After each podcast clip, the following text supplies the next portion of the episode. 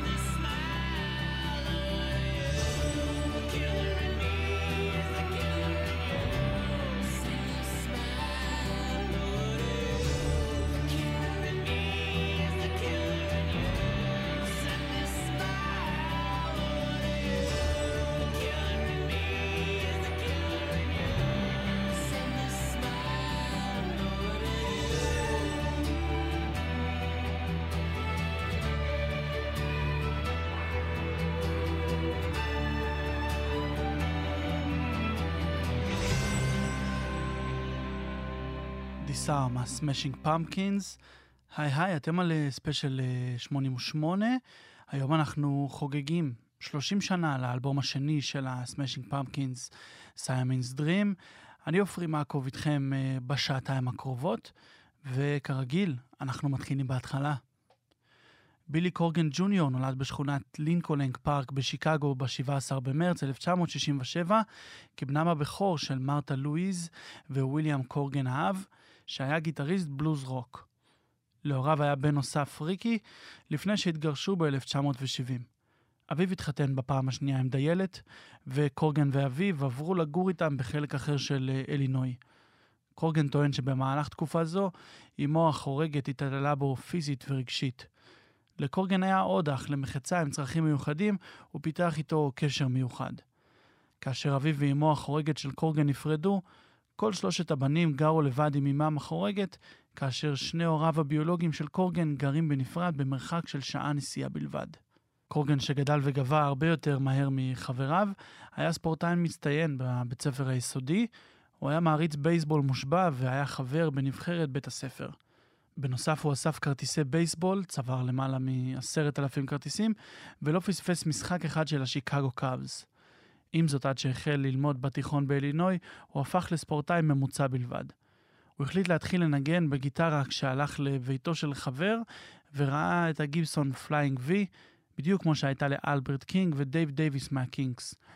קורגן נתן את חסכונותיו לאביו, שקנה לו Les Paul משומשת. קורגן סיניור כיוון את uh, בילי ועודד אותו להקשיב לג'ף בק וג'ימי הנדריקס, אבל שם הסתיימה התמיכה של האבא, וקורגן הצעיר לימד את עצמו לנגן בגיטרה.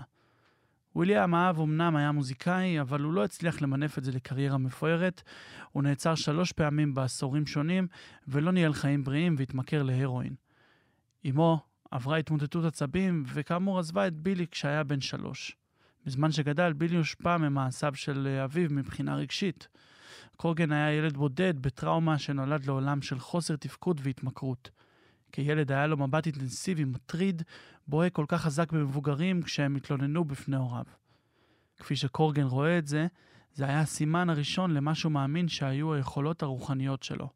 קראתי אותם מבחינה נפשית, פשוט לא ידעתי מה זה אומר, הוא מספר. אספתי מידע בין אם צפיתי בשפת הגוף שלהם ובין אם קראתי אותם. חשבתי שכולם כאלה. שנים אחרי ילדותו של בילי ב-1 בינואר 2008, המשטרה בפלורידה מצאה את אביו בן ה-60 מחוסר הכרה במכוניתו עם מחט הרואין באמה השמאלית. לא בפעם הראשונה, בילי נכנס לעזור לאביו, חילץ אותו מהכלא ושילם עבור גמילה. בילי הציל את חיי כל כך הרבה פעמים, אומר וויליאם קורגן. גם אני גדלתי בבית ללא אהבה או רגש, וזה די נדבק אליי. בסופו של דבר אתה מעביר את זה לילדים שלך, ואנחנו מקווים שאולי שברנו את השרשרת. בריאיון שנערך לאחרונה, בילי דיבר על איך וויליאם הגיב להצלחת בנו, וזה בכלל לא כמו שהוא ציפה. למרות תקוות גדולות לקבל את אישורו של אביו לאחר אלבום מצליח, הוא התמודד עם הפקפוק והזלזול של אביו בקריירה שלו. הוא סיפר שאביו חשב שרק התמזל מזלו, והוא לא מאמין איך בילי מסוגל ליצור מוזיקה כזו. הוא ממש קינה, הייתי בהלם, כי צפיתי ביותר מדי סרטי דיסני וחשבתי שהוא ילטף לי את הראש ויגיד, כל הכבוד ילד, אני כל כך גאה בך. זה בדיוק היה הפוך. הוא התנהג כאילו עשיתי איזה טריק מוזר והתמזל מזלי.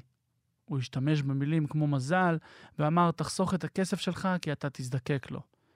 רק כאשר יצא Siamese Dream, הוא הקשיב לאלבום והתקשר אליי אחר כך ואמר, אני לא יודע מי האדם הזה ששר את האלבום הזה. אני רוצה לדעת, זה אתה שם? זה באמת מי שאתה? ואני אמרתי, כן, זה הייתי אני. כאן כל הזמן, היי, שלום, זה הבן שלך, בילי, שלום. הוא התנהג כאילו אני זר לגמרי, והוא ניסה להגיד לי שטויות מוזרות כמו, היית כל כך שקט כשהיית ילד. ואמרתי, לא, כי בכל פעם שפתחתי את הפה, אמרת לי לסתום אותו. זה היה זמן טוב עבור וויליאם לומר עד כמה הוא גאה בבנו. עם זאת, זה לא קרה, ומילים מייאשות נאמרו על ידו. כשוויליאם נפטר ב-2021, בילי הלך לביתו כדי לאסוף את חפציו וראה ליד מיטתו של אביו את החוברת של האלבום מלון קולי. האלבום שיצא אחרי סיימיס דרים, אלבום שבו בילי התחיל את תהליך ההשלמה וסליחה עם אביו. וויליאם עד סוף ימי חייו היה מאזין לאלבום וקורא שוב ושוב את כל המילים של השירים. כדי לחתום את הפרק של בילי ואבא שלו, אנחנו נשמע מתוך האלבום את To Forgive.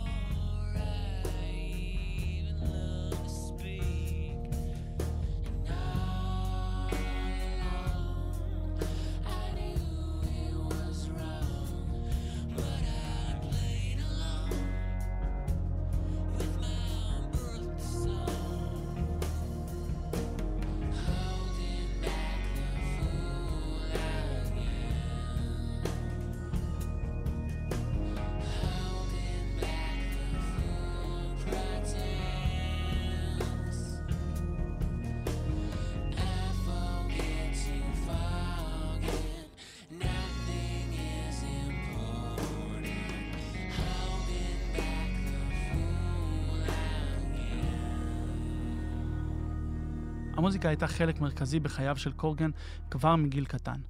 בגלל וגם בזכות המצב הגרוע והלא בטוח בבית, פנה בילי הצעיר למוזיקה. מוזיקה הייתה מפלט מדהים עבורי, כשהקשבתי לפינק פלויד או לביטלס, והם העבירו אותי למקום אחר, והצלחתי לסגור את שאר העולם בחוץ. כשהיה בן חמש, אמו החורגת נתנה לו דולר כדי שיקנה לעצמו משהו במכירת חצר שהייתה ברחוב. קורגן הגיע לדוכן תקליטים, וקלט תקליט עם עטיפה שמשכה את עיניו. זה היה מיט דה ביטלס. לא ידעתי מי הביטלס, ואהבתי את איך שהעטיפה נראית, הדיוקן של אה, ארבעת הפנים שלהם. הלכתי הביתה, הפעלתי את זה, ולא האמנתי למה שאני שומע. הייתה לי את החוויה החשמלית הזו של האזנה לביטלס בפעם הראשונה. Meet the Beatles הוא האלבום השני של הלהקה שיצא ב-1963. בריאיון מ-2008, קוגר מספר, בדיעבד 45 שנה אחרי, קל להגיד שהביטלס השפיעו עליך. על מי לא? אבל כשאתה מאזין למוזיקה בתמימות מוחלטת בגיל חמש, זה היה יכול להיות כל אחד. קורגן מוסיף, היו לנו תקליטים אחרים בבית, אבל התקליט הזה שינה את מהלך חיי. ליטל צ'יילד נמצא בתקליט ההוא, וזה שיר שבלט מהתקופה ההיא. אין להקה שבכלל התקרבה לרמת הבקיאות וההשפעה שלה עליי.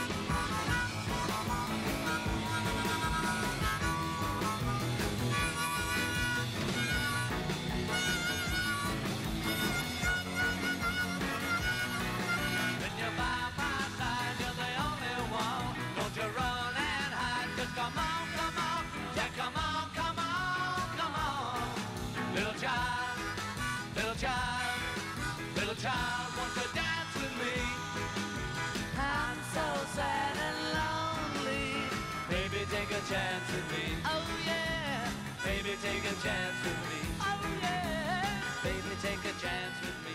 Oh yeah. Little Child, הביטלס. הגיחה הראשונה של קורגן לעולם המטאל הייתה בזכות Black Sabbath כמובן, והוא מעיד שהחוויה איתם הייתה דומה לזו שחווה עם הביטלס.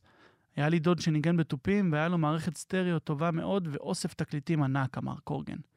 סבתא שלי לא סבלה את זה, והייתה מסובבת את המבט בכל פעם שהייתי ניגש לערימת התקליטים. יום אחד נכנסתי, והתקליט הראשון בראש הערימה היה Master of Reality של Black Sabbath. שוב אני מזכיר שאני לא יודע מי הם בכלל. עטיפת האלבום נראתה מגניבה, שחורה עם אותיות סגולות גדולות. Master of Reality הוא האלבום השלישי של Sabbath, הוא הניח את הבסיס לעתיד המטאל, ובו Sabbath הלכו על סאונד כבד יותר מאשר שני האלבומים שקדמו לו.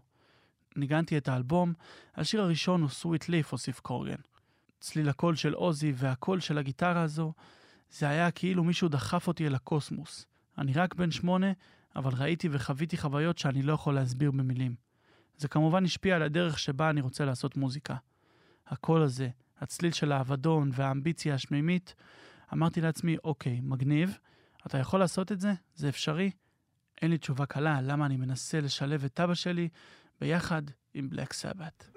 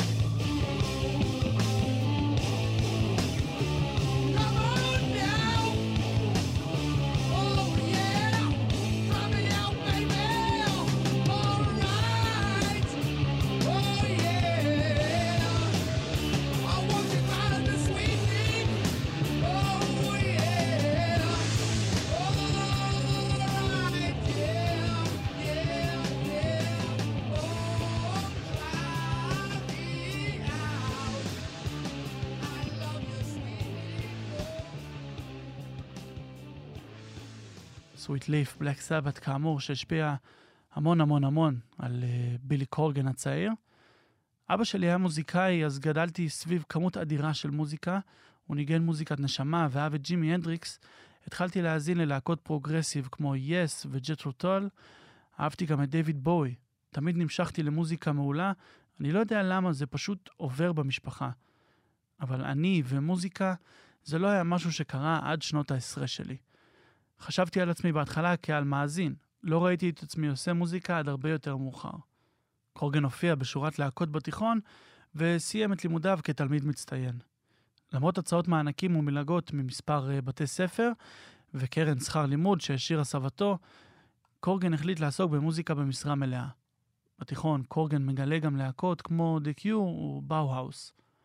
בעוד החיבור ל-The Cure ברור ודובר עליו הרבה, אני רוצה להתמקד איתכם בבאו-האוס. קורגן מספר עליהם, בהיכל התהילה הפרטי שלי, באו-האוס הם בטופ. Sabbath היו בלוזים יותר, באו-האוס היו אומנותיים יותר. הם היו להקת רוק בריטית שהוקמה בנורת'המפטון ב-1978. הם ידועים בתדמית האפלה או בסאונד הקודר שלהם, ונחשבים מחלוצי ה gothic rock, למרות שהם ערבבו ז'אנרים רבים, כולל דאב, גלם רוק, פסיכדליה ופאנק. אלבום הבכורה שלהם, In the Flat Field, נחשב לאחד מתקליטי הרוק הגותי הראשונים. מתוכו אנחנו נשמע את uh, Dark Entries, ואחר כך נשמע עוד מחווה שלהם לעוד ענק, שמבלי לדעת הניח את היסודות ל gothic rock. אז זה ל Bauhaus, Dark Entries.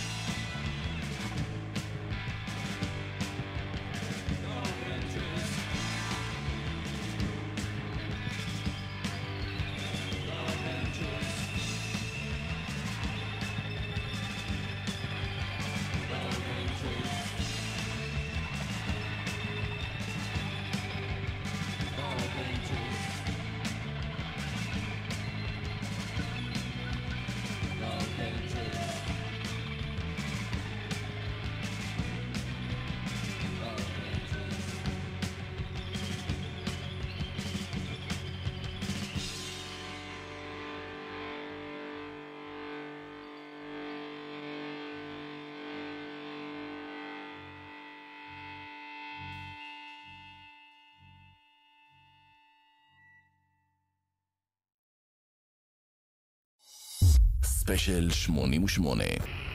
הסיפורים הגדולים של המוזיקה.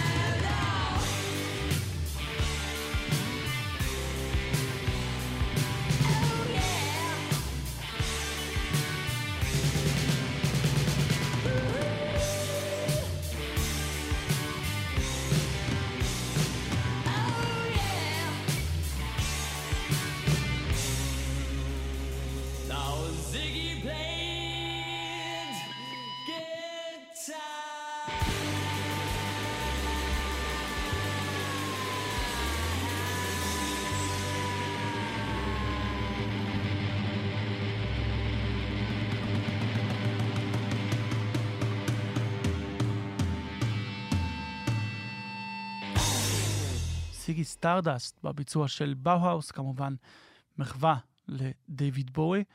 בינתיים אצל קורגן, סצנת המוזיקה של שיקגו לא מצא חן בעיניו, והוא עבר משיקגו לפלורידה ב-1985 עם הלהקה הגדולה הראשונה שלו, The Marked, שנקראת uh, בשם הזה על שם uh, כתמי הלידה הבולטים של קורגן ושל המתופף רון רוסינג. הלהקה כמובן אה, ניגנה gothic rock והקדימה את זמנה בסגנון הנגינה שלה. כמו הרבה להקות צעירות, The Marked לקחו את ההשפעה שלהם ואת מה שהם האזינו לו וניגנו את זה בצורה אגרסיבית יותר. קורגן מספר, עשינו כמיטב יכולתנו למזג גיטרה רועשת עם רוק אלטרנטיבי אנגלי של שנות ה-80 בצורה חזקה יותר ממה שהיה פופולרי באותה תקופה. לקחנו את ההשפעות הברורות שלנו, כמו Joy Division, Siouxsie and the Banshees, The Cure והבאו-האוס, וריסקנו אותם ביחד עם לד זפלין, די פרפל ו-ACDC, באופן שיישמע אמריקאי לחלוטין. אבל כמובן שזה היה מוקדם מדי, חמש-שש שנים לפני שהגראנג' התפתח, הוא פתח לי את הדלת של הרוקנרול באופן סופי. דה מרק נגנה בסביבות 20 הופעות בפלורידה וסביבתה, עד שבמפתיע הבסיסט עזב, הלהקה התפרקה אחרי פעילות של אה, תשעה חודשים בלבד, וקורגן חזר לשיקגו לגור עם אביו. כמובן שאנחנו נשמע אותם עכשיו. The Marked, להקה המוקדמת של ה Smashing Pumpkins, Now That I Feel.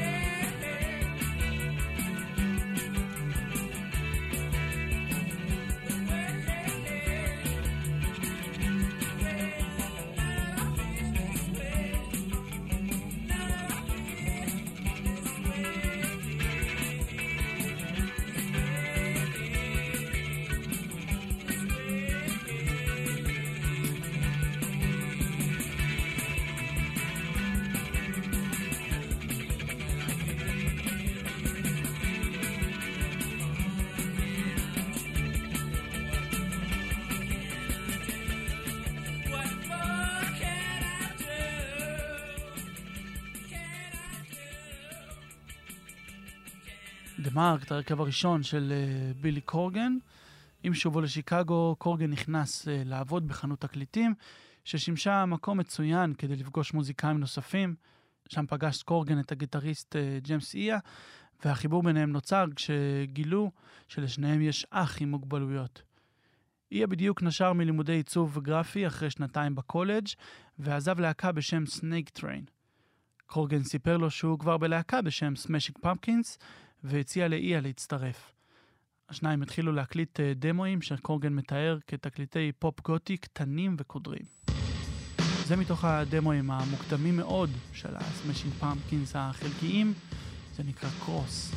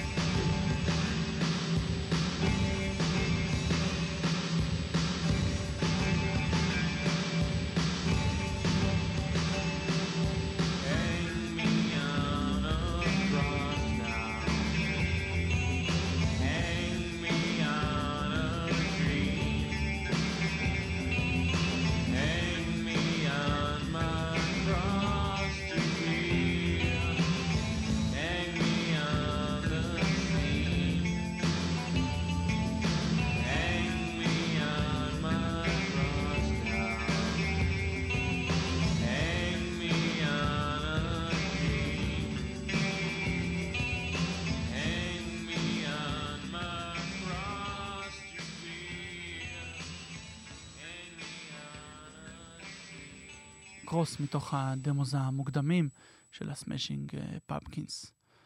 את הבסיסטית דארסי רצקי פגש קורגן קצת אחרי שטסה לצרפת, רק כדי לגלות שהלהקה שרצתה להצטרף אליה התפרקה, והיא חזרה ישר לארצות הברית. דארסי בדיוק אה, סיימה להופיע עם להקתה The Dan Reed Network, ושמעה את קורגן מבקר את הלהקה. בין השניים נוצר ויכוח סוער, שבסופו הם איכשהו הגיעו להסכמה על הצטרפותה של הבסיסטית לסמאשינג פמפקינס. השלישייה התחילה לנגן יחד במועדונים מקומיים עם אה, מכונת תופים. כדי להבטיח הופעה במטרו בשיקגו, הלהקה חיפשה מתופף. ג'ימי צ'מברליין היה מתופף עוצמתי, ג'אז פיוז'ן עם סגנון טיפוף שמאוד מזכיר את אה, ג'ון בונהם של לד זפלין. הוא ראה את השלישייה מופיעה עם מכונת תופים, הוא מספר, הם נשמעו נורא, הם היו זוועתיים. אבל הדבר ששמתי לב אליו הוא לא רק שמבנה השיר היו טובים, אלא שהקול של בילי היה מיוחד, כאילו היה מת להצליח. קרוגן מספר על הפגישה עם צ'מברליין, הוא לבש חולצת טריקו ורודה והיו לו תופים צהובים. הסתכלנו אחד על השני וחשבנו, זה לא יקרה, זה לא הבחור. אבל הוא למד את כל השירים שלנו, כמו שרק ג'ימי יכול, ותוך חזרה אחת איתו היינו מוכנים לנגן. זה היה מדהים, פשוט ידענו מיד, הוא כל כך טוב. הלהקה גייסה את ג'ימי צ'מברליין ונגנה לראשונה כרביעייה בחמישה באוקטובר 1988. צירופו של צ'מברליין הוביל את הלהקה לכיוון כבד יותר כמעט מיד. כמו שאפשר לשמוע גם uh, מתוך הדמואים של הלהקה, זה נקרא Nothing plus Everything.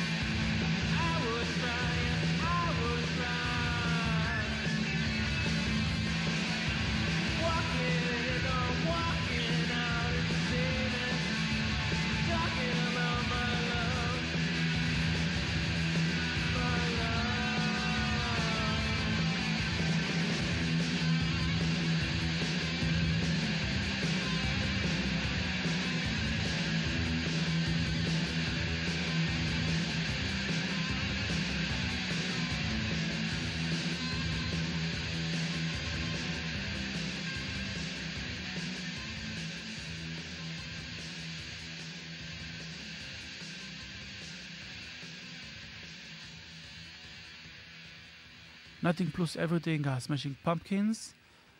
הדמואים וכמה סינגלים עצמאיים הובילו לעסקה עם קרוליין רייקורדס, חברת תקליטים שנוסדה בבריטניה ב-1973 וייצגה בעיקר להקות פאנק רוק, טרש מטאל וניו וייב אמריקאיות. בין הלהקות אפשר למצוא את פריימוס, גוגו דולס, המיספיטס והול. אז חמושים בחוזה עם חברת תקליטים שמתאימה להם וסאונד מגובש, הוציאו הפמפקינס את אלבום בכורה שלהם ג'יש ב-1991. הלהקה שילבה רוק פסיכדלי והאבי מטאל באלבום, ובחזית הייתה הנגינה הפרועה של קורגן, חלק בלתי נפרד מהסאונד המוקדם של הפמפקינס. כשהתקליט יצא בבריטניה, הוא לא קיבל קידום בתקשורת בכלל. מאוכזבים, הלהקה חזרה לארצות הברית. קורגן מספר, נירוונה ופרל ג'ם התפוצצו, אבל חשבנו שלנו אין עתיד כאן. למרבה המזל, אדם בשם דיוויד בויד, מתת לייבל בשם האט, חברה בת של וירג'ין רקורדס, התחנן בפני קרוליין רקורדס לתת לו את התקליט, והוא זה שהתחיל הכל. העיתונות האנגלית במיוחד לא הבינה את השפעות ההארד רוק של הלהקה. הקהל ההיפסטרי נחרד מזה. אבל בשבילי, שגדלתי כילד, בלאק סבאת' ושאר הלהקות, היו כולם אז תרבות הנגד. אז הייתי מדבר על ההשפעות שלי, והם היו אומרים, טוב, הם לא השפעות שלנו, אז לכן אתה לא משלנו. זה היה מאוד מוזר בשבילי. הרגשנו שתמיד מתייחסים אלינו כאל אה, קוריוז, ולמען האמת, המעריצים הם שדחפו את הלהקה והפכו אותה להצלחה שהייתה. היה לנו מזל שיש לנו כל כך הרבה מעריצים שהאמינו באיכות הייחודית של הלהקה. בריטניה תמיד תמכה בחיי המוזיקה שלי, ואני תמיד מודה על כך שאני מגיע לכאן. לפני שנשמע את אחד הסינגלים הראשונים, אנחנו מסיימים את השעה הראשונה שלנו בספיישל 88, שחוגג אה, 30 שנה לסיימיז דרים, אה, האלבום השני של הלהקה. והנה, בואו נשמע את uh, I am the one, שיצא עוד ב-1990, השיר, כאמור, שפותח את uh, האלבום ג'יש, אלבום הבכורה. בשעה הבאה אנחנו כבר נגיע לסיימיז דרים.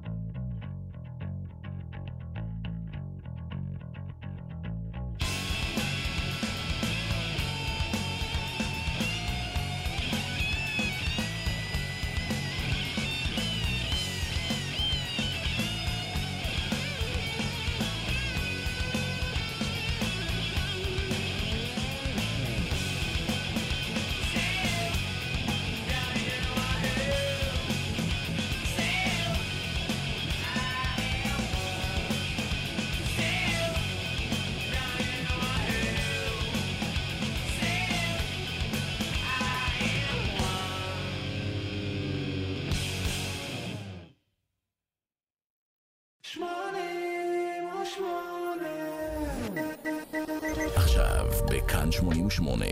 ספיישל 88.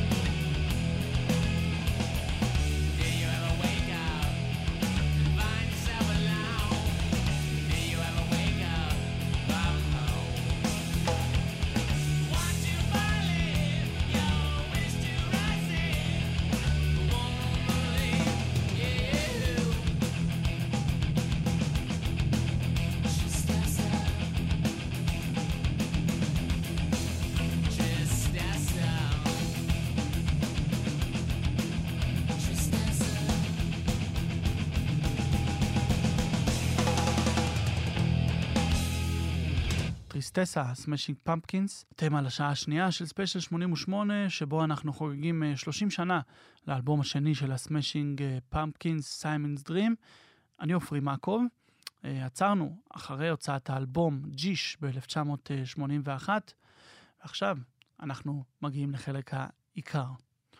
אז כאמור, אחרי הסינגלים העצמאיים, בילי קורגן פונה למפיק אה, בוטש ויג, הוא מבקש ממנו להפיק את השיר אה, טריסטסה, ששמענו עכשיו.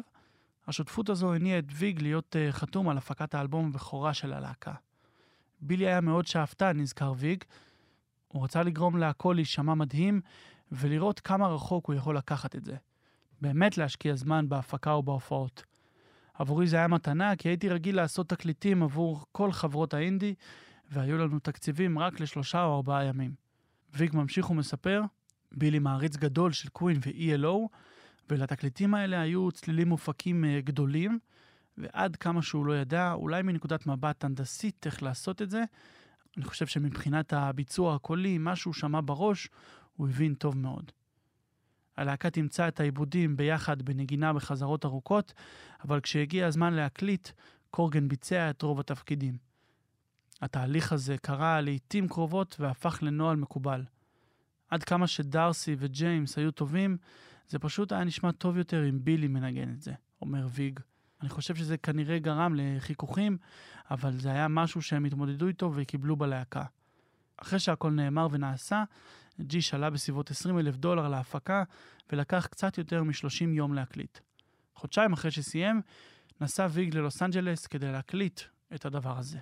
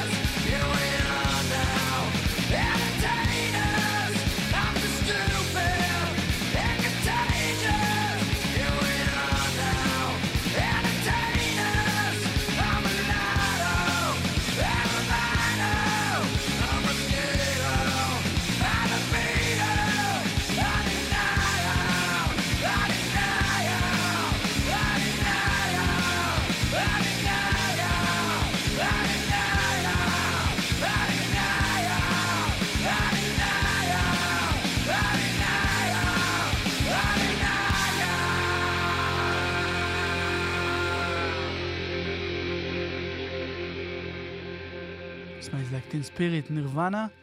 אחרי היציאה של Nevermind, הקהל והתקשורת כבר התחילו לעשות את ההקשרים בין הלהקות, וקראו לה פמפקינס נירוונה הבאה. בילי קורגן הרגיש לחץ גדול מאוד להפיק אה, אלבום הבא ולהצית את העולם. הלחץ העצום הגביר אה, מצב בעייתי מלכתחילה. ג'ימי צ'מברליין היה מכור להרואין, ג'יימס איה ודארסי סיימו לאחרונה את מערכת היחסים הרומנטית שלהם, וקורגן, חוץ ממ- ממאבקים בעלייה במשקל ובדיכאון, נאבק עם אה, חסימת כתיבה. הלהקה נסעה לאולפנים בג'ורג'יה כדי שיוכלו להימנע מהסחות דעת, ובעיקר לנתק את צ'מברליין מהסמים. ויג מספר, נאלצתי להתמודד עם כל חוסר התפקוד שלהם כלהקה, ובילי ואני שמנו רף גבוה מאוד מבחינת איך שרצינו שזה יישמע. ויג מספר שבהקלטת האלבום השני של הפמפקינס היה הבדל אה, בתפקיד שהוקצב לו מאשר אה, אצל נירוונה. עם נירוונה זה היה יותר על אה, לכידת הרוח והכוח המתפרץ של הלהקה, שכבר יצאה וטיפחה בסצנת האנדרגראונד. עם זאת, העבודה עם הסמאשינג פמפקינס הייתה משימה אחרת לגמרי. הם היו דמויות ידועות לשמצה, ושהיה מאוד קשה לעבוד איתם מצד אחד, וגם, מצד שני, הם רצו ליצור סאונד פורץ דרך. עברתי מללטש את נירוונה לליצור סאונד חלוצי עם הפמפקינס. סיאמיז דרים הוקלט בעיקר בין אה, דצמבר 92 למרץ 93. הלהקה וויג עבדו עם הקלטה אנלוגית וזה לקח הרבה מאוד זמן. עבדנו 12 פעמים ביום, 6 פעמים בשבוע, במשך כשלושה חודשים. ובחודשיים האחרונים עבדנו 7 ימים בשבוע, 14 או 15 שעות ביממה, מספר קורגן. קורגן עבד אה, שעות נוספות, למעשה הוא גר באולפן. הוא וויג היו עובדים לפעמים על קטע מוזיקה של 45 שניות במשך יומיים כדי להשיג את הצליל שקורגן רצה. אחד השירים הראשונים שנוצרו ושנכתבו לאלבום הוא Today, ואחד כזה שמשקף את הסאונד המושלם הזה כל כך שהם שאפו לו. אז uh, הנה, Today, הסמאשינג פמפקינס.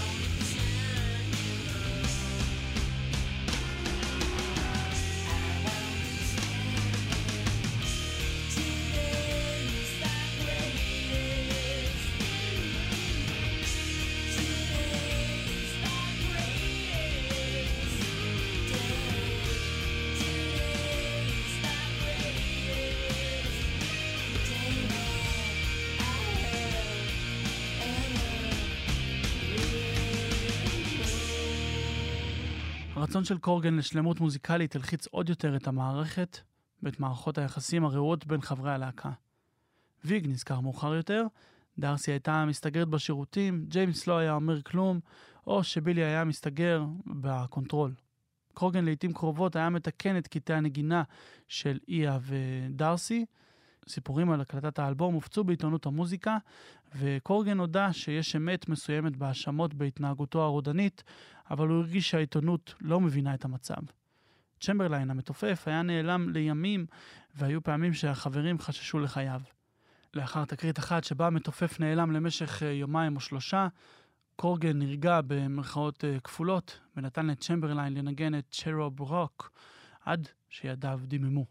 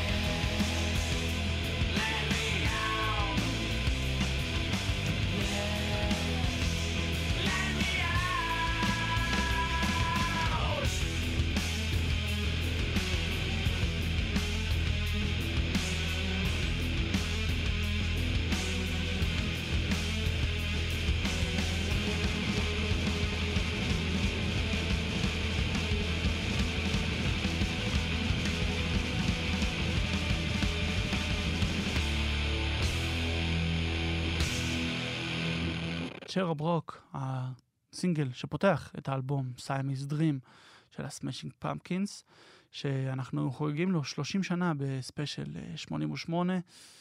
קורגן אמר בריאיון מאוחר יותר באותה שנה, אתה יודע, נתתי להם שנה וחצי להתכונן לשיא הזה.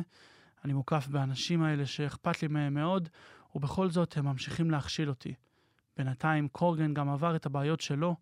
הוא יודע ב-2011 שלאורך תהליך ההקלטה הוא תכנן את ההתאבדות שלו.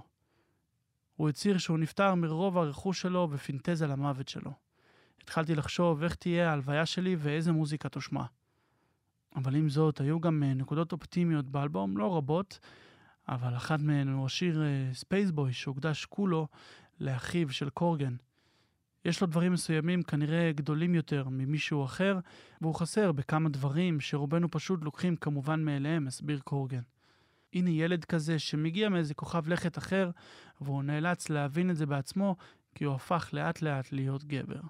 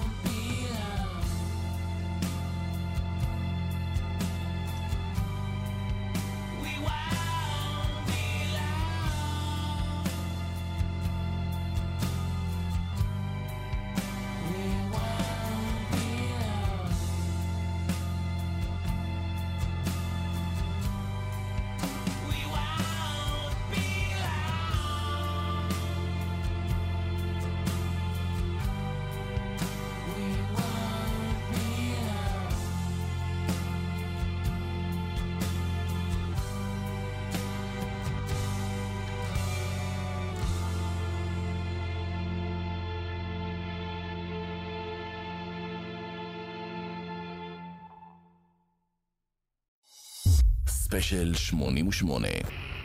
הסיפורים הגדולים של המוזיקה.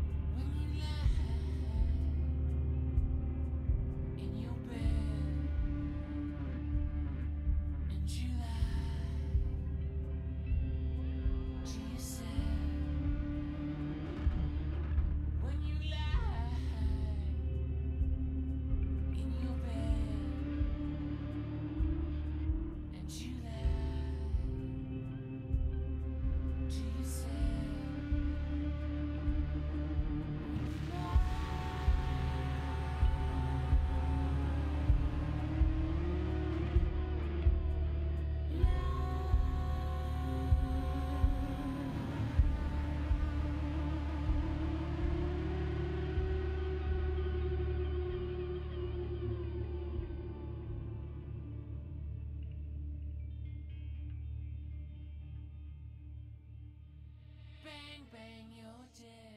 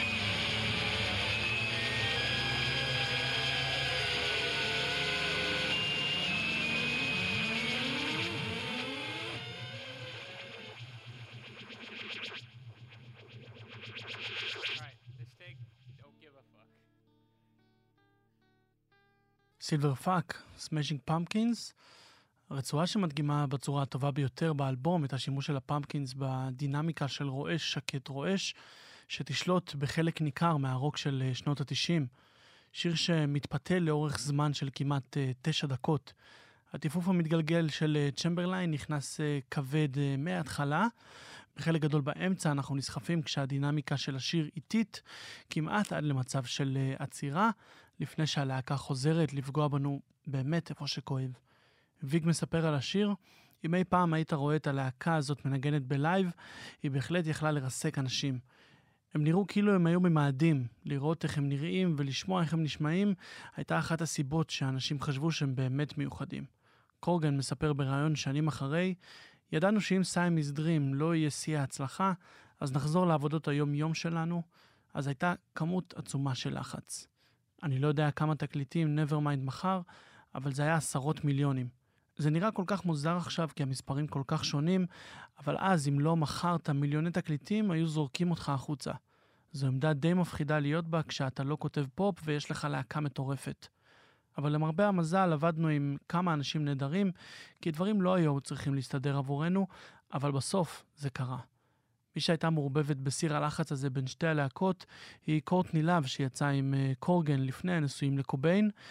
לפי ראיון שנתנה ל-BBC, רוב השירים באלבום הם עליה. אז אם היה חסר מתח ולחץ עכשיו אה, בין הלהקות, לאב מוסיפה שמן למדורה. היה את Spaceboy שזה על אח שלו, אבל שאר השירים הם כתבו עליי, אומרת קורטני לאב. קורגן, לעומת זאת, אמר שהשירים נוצרו ברובם בהשראת אה, בת זוג אחרת, קריס פביאן. אחד משירי האהבה הבולטים באלבום הוא השיר שסוגר אותו לונה. קורגן פשוט חוזר על השורה I'm in love with you. זה באמת שיר יפהפה שמראה את הצד הרך של הפמפקינס, שמגיע עד לשמיים עם עיבוד מיתרי מדהים.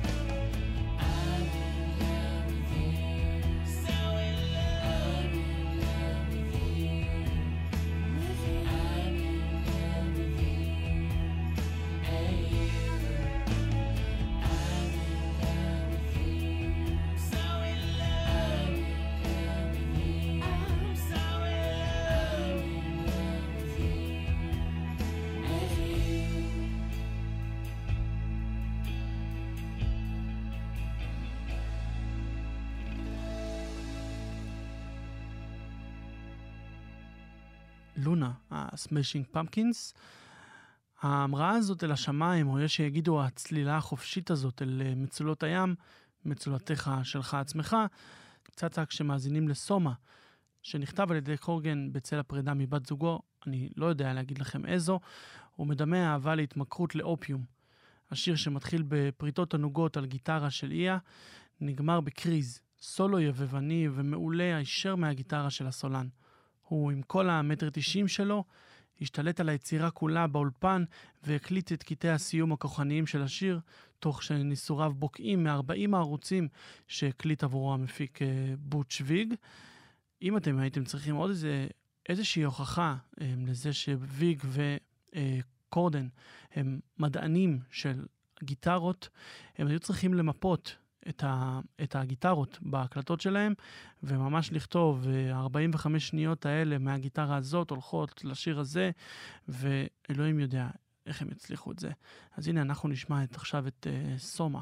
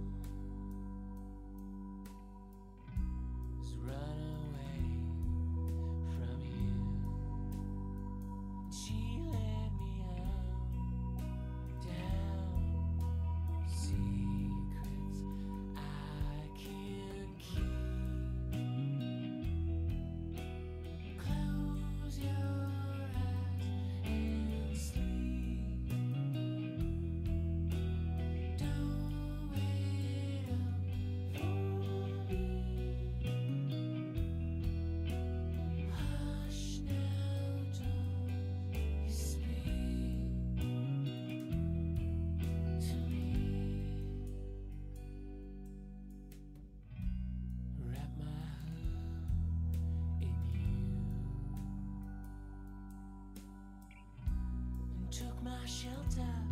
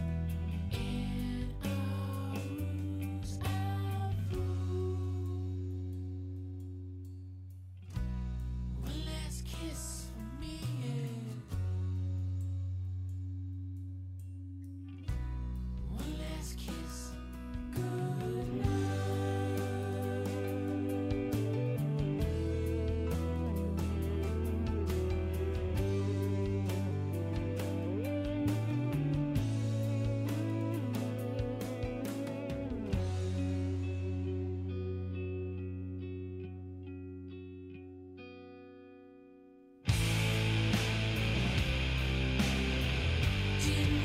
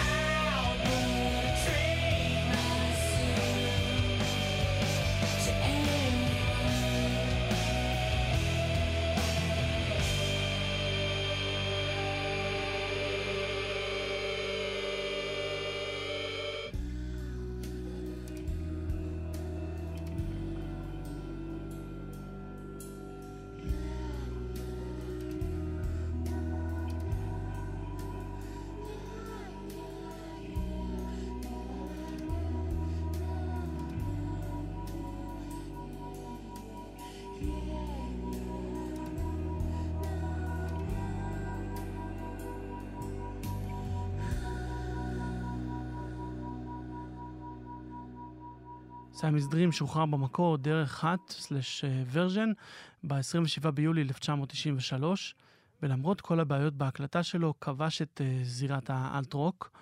מכר למעלה משישה מיליון עותקים ברחבי העולם, והוא מצוטט לעיתים קרובות כאחד מאלבומי המפתח של העשור. לאחר סיבובי הופעות אה, בלתי פוסקים אה, לתמיכה בהקלטות, כולל אה, משבצות מרכזיות בסיבוב ההופעות של לולהפלוזה ב-94 ובפסטיבל רידינג ב-95, הלהקה לקחה פסק זמן כדי לכתוב את אלבום ההמשך. כל זה כבר בספיישל הבא. תודה רבה לכם שהאזנתם לספיישל 88 שחוגג אה, 30 שנה ל Siamese Dream של הסמשינג פמפקינס. לא תצטרכו לחכות עוד אה, הרבה זמן, כי כבר בשנה-שנתיים הקרובות, אנחנו, אני בטוח שאנחנו נחזור עם אה, ספיישל על האלבום הבא, והגדול, יש שיגידו אפילו עוד יותר, של הסמאשינג פמפקינס. אנחנו נסיים עם מיונז, שיכול להיות שהלהקה בזבזה הרבה יותר זמן בלהסביר את השם של השיר מאשר uh, בהקלטה שלו. בהתחלה אמר קורגן שהוא ניגש למקרר וראה שם רק אה, מיונז, וזה מה שנתן לו את ההשראה לשיר. אבל השיר הזה הוא משחק אה, מילים מתוחכם מאוד, עם המילים My own eyes, My own eyes, מיונז, הבנתם? אז אנחנו נסגור עם הלהיט הענק הזה מתוך האלבום. נתראה בספיישל הבא. לילה טוב, ביי ביי.